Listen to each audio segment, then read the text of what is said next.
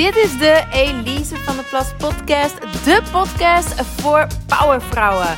Voor vrouwelijke ondernemers en carrièrevrouwen die op alle vlakken zielsgelukkig willen zijn.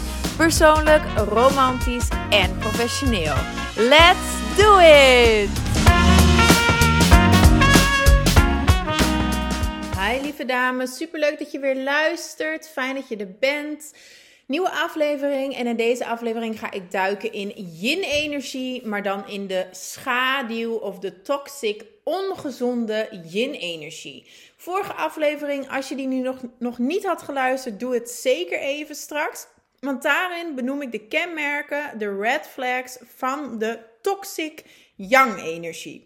Maar deze week dus de toxic yin-energie. Hoe kun je die nou herkennen?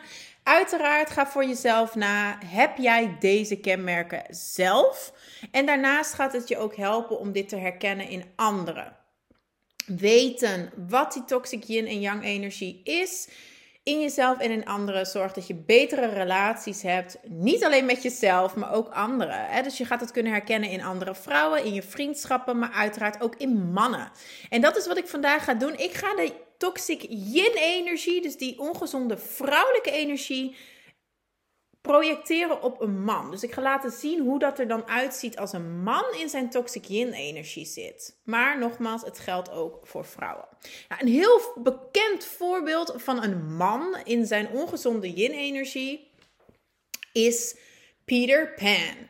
Mr. Peter Pan. Wist je dat er zelfs een psychologische term voor is, het Peter Pan-syndroom? En die term werd als eerst gebruikt door Aldous Huxley in zijn boek Island uit 1962. Vervolgens werd de term gepopulariseerd door Dr. Dan Kiley in zijn boek The Peter Pan Syndrome: Men Who Never Grow Up.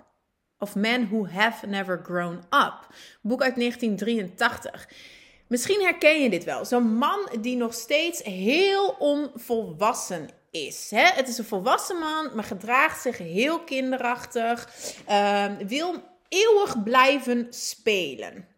En love Michael Jackson, maar in uh, psychologische kringen wordt het inmiddels ook soms de Michael Jackson syndrome genoemd. Hè? Dus ze zijn zo kinderlijk op een heel naïeve, manier dat het bijna gevaarlijk wordt en dat het in elk geval niet gezond is voor hun en ook niet voor hun relaties. Ze nemen ook de verantwoordelijkheid niet op zich als man of the house, hè, als leider. Ze kunnen zich ook niet toeleggen op één vrouw. Hè. Ze spelen erop los. Kortom, ze zijn niet volwassen. Side note hierbij is ja, hoe wordt dat verschijnsel dan veroorzaakt? Nou, je kunt beargumenteren dat het in elk geval wordt, ja, op zijn minst misschien in stand wordt gehouden. Misschien niet veroorzaakt, maar in stand wordt gehouden door vrouwen die de afhankelijkheid van mannen in de hand werken. Dus denk aan moeders die hun zoons nooit leren om te koken, uh, of zelfs niet laten helpen met koken. Nee, nee, dat moet jij niet doen, schat. Nee, dat doet mama wel. Hè? Uh, ze kunnen hun eigen was niet doen. En dan helemaal fout als hun dochters in het gezin het dan wel moeten doen. Hè? Um, maar ook niet alleen moeders op latere leeftijd ook. De kans is heel groot dat zo'n man gaat eindigen in een relatie met een vrouw die ook die extreme moederrol op zich neemt. Kijk, moederen, nurturing zijn, uh, zorgzaam zijn, ondersteunend zijn, heel mooi, prachtig. Hè? Maar extreme moeders, dan gaat het natuurlijk te ver. Hè? Dan, dan kort wiek je je partner, je kort wiekt je zoon. Hij is niet meer in staat om voor zichzelf te zorgen. En dat extreme zorgzame, dat kan, is dan op alle vlakken vaak. Hè? En financieel. Kijk hier, ik betaal het wel voor je. Ik regel het wel. Um, emotioneel, hè? maar ook fysiek. Je moet dit eten, je moet dat niet eten. Hup, kom, we gaan nu samen sporten, et cetera. Dus jij zorgt volledig voor hem. Zo erg dat hij ook niet meer voor zichzelf kan zorgen. Dus je verlamt hem als het ware. En dat is niet out of the goodness of your heart. Let's be honest. Dat is, dat is natuurlijk een ongeheeld iets in jou, wat denkt dat je dat moet doen om een man bij je te houden. Als jij het gevoel hebt, of als jij alleen al laat staan hardop tegen mensen zegt: Mijn man kan niet zonder mij. Hij is niks zonder mij. Hij kan, niet, hè, hij kan niet zonder mij. Hij functioneert niet zonder mij. Hij zou niet weten wat hij moet zonder mij. Dat is niet iets om trots op te zijn. Dat is sick as fuck. Excuse my friends. Dat is niet gezond. Niet voor jou, ook zeker niet voor hem. Maar voor jou, hè. wil jij dat een man bij je is, puur omdat hij niet kan zonder jou? Wil jij dat een man bij jou is omdat jij zijn was, zijn plas, alles voor hem doet? Nee toch? Dat is toch niet waarom je wil dat een man bij jou is? Dat is, dat is geen liefde. Dat is afhankelijkheid. Dat is heel iets anders. Oké, ehm, ik heb al een heel aantal kenmerken eigenlijk opgenoemd inmiddels van die toxic yin-energie. Ehm, maar voor nu wil ik uh, nog even puntgewijs wat dingen voor je opnoemen. Dus daar gaan we. Dit zijn red flags, dit zijn kenmerken van schaduw of toxic yin-energie. Overdreven gevoelig en emotioneel zijn. Niet gewoon je kwetsbaar durven opstellen, uiteraard, maar echt labiel zijn. Ander kenmerk, extreem afhankelijk zijn. Dus extreem afhankelijk zijn van iemand, je heel, heel needy opstellen. En als we dit dus projecteren op een man, hij heeft geen leven zonder jou. Jij bent zijn leven. Hij is heel needy dus, heel afhankelijk van jou. En hij maakt jou ook verantwoordelijk voor zijn geluksgevoel. Voor zijn zelfliefde, voor zijn succes. Hè? Volgende punt, passief, besluiteloos. Neemt geen actie, heeft geen doelen, heeft geen drive, uh, hakt geen knopen door. Volgende punt, lui, lusteloos, verwend. Hè? Vertoont uitstelgedrag. Wil of gaat ervan uit dat jij hem verleidt. Een divine masculine man is de jager. Hij zal jou aanspreken. Hij zal jouw telefoonnummer vragen. Hij zal jou chasen. Hij zal moeite doen voor jou. Man is een toxic yin-energie. Hij leunt achteruit. Hij gaat ervan uit dat jij hem verleidt, dat jij hem chased, dat jij hem verzorgt, dat jij hem ook helpt, dat jij hem motiveert. Hij is verwend, hij is lazy. negatief ingesteld ook. Heel negatief en hyper bezorgd. Dus gaat elk risico mijden. Ziet altijd beren op de weg. Komt nooit uit de comfortzone. En houdt zichzelf en eventueel jou, als je met zo iemand in een relatie bent, heel klein. Als je nooit een risico durft te nemen, als je nooit uit je comfortzone komt, bezorgdheid is goed. Realistisch zijn over gevaren is goed. Maar overdreven risicomijdend zijn is echt verlammend ook gewoon. Zit in de slachtofferrol. Dat is ook zo een belangrijke. Dit, deze toxic yin-energie, de slachtofferrol, zie je zo vaak in vrouwen en in mannen ook. Um, en dat uitzicht als volgt de slachtofferrol. Ze kunnen niet vergeven. ze, ze blijven zich vastklampen als, aan dingen als in groep 6 heeft Jan mij toen en Iris heeft kan niks vergeven. Cannot move on from shit.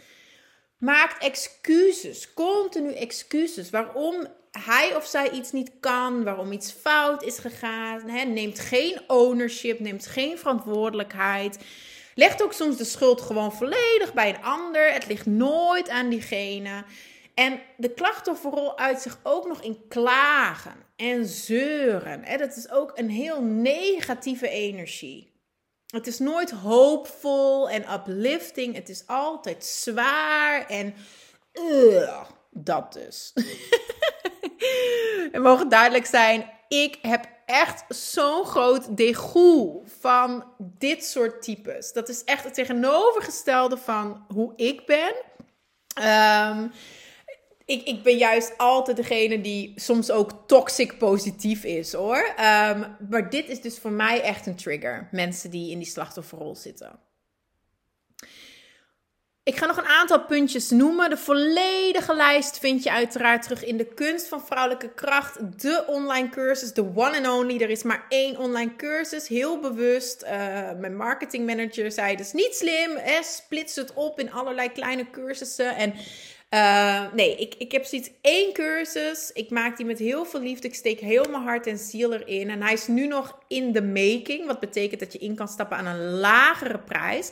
Maar weet alles, al mijn wijsheid, al mijn tips, al mijn beste oefeningen, al mijn tricks komen allemaal in die ene cursus. Een goudmijn durf ik toch wel te zeggen aan kennis, een goudmijn voor vrouwen die echt willen leven vanuit die divine feminine. En gewoon super fijne relaties willen hebben, niet alleen met zichzelf, maar ook met anderen.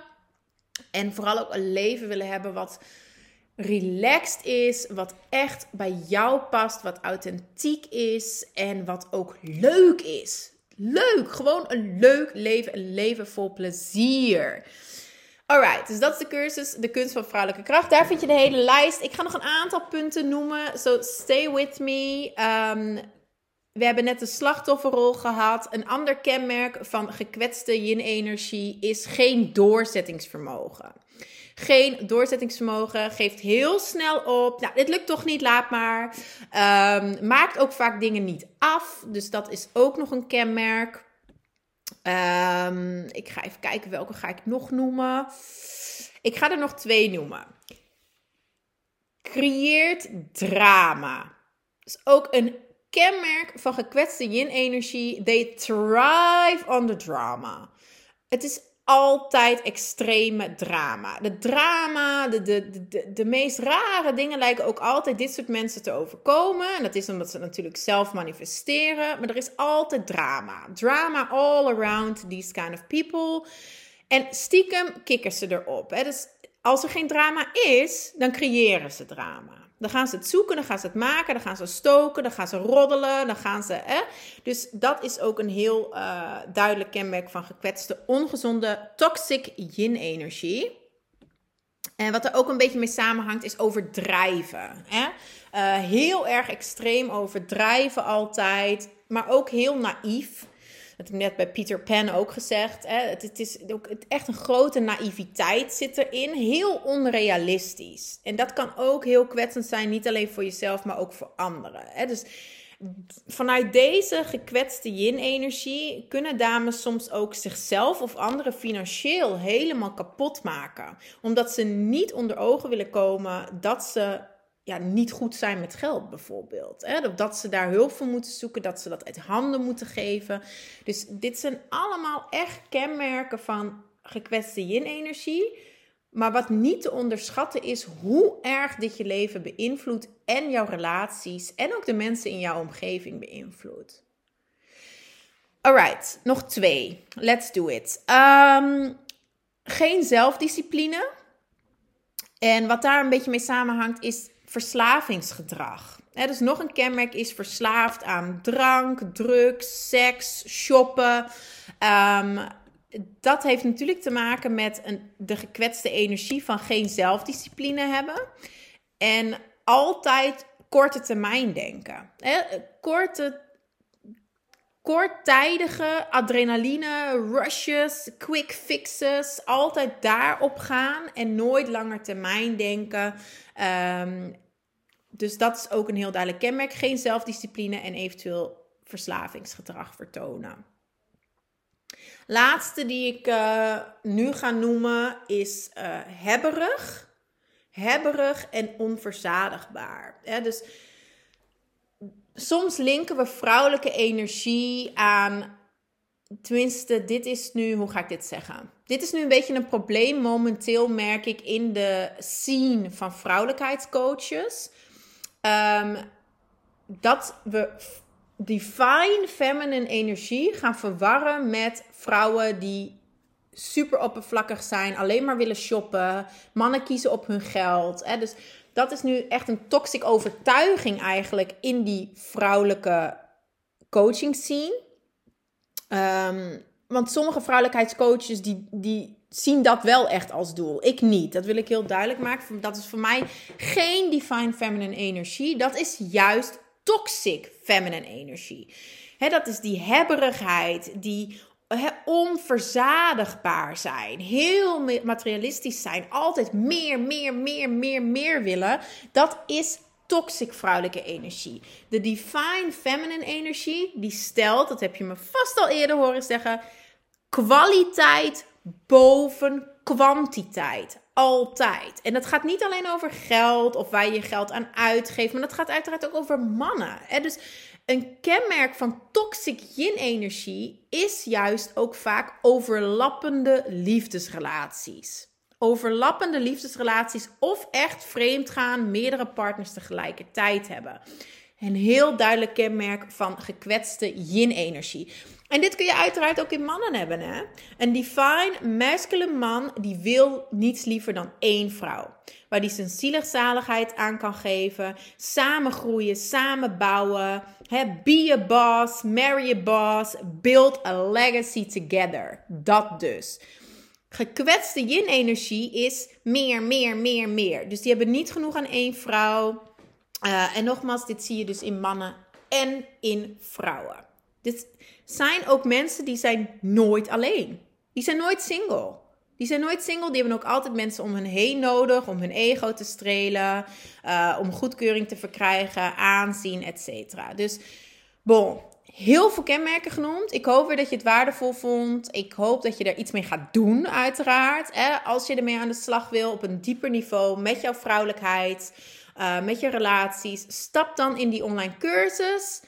Contacteer mij voor een adviesgesprek als je interesse hebt voor één op één coaching en denkt dat je daar um, ja, klaar voor bent en een goede match voor bent. Alle informatie uiteraard, as always, via de website te vinden. Elise met een Z. EliseVDPlus.com. Tot snel.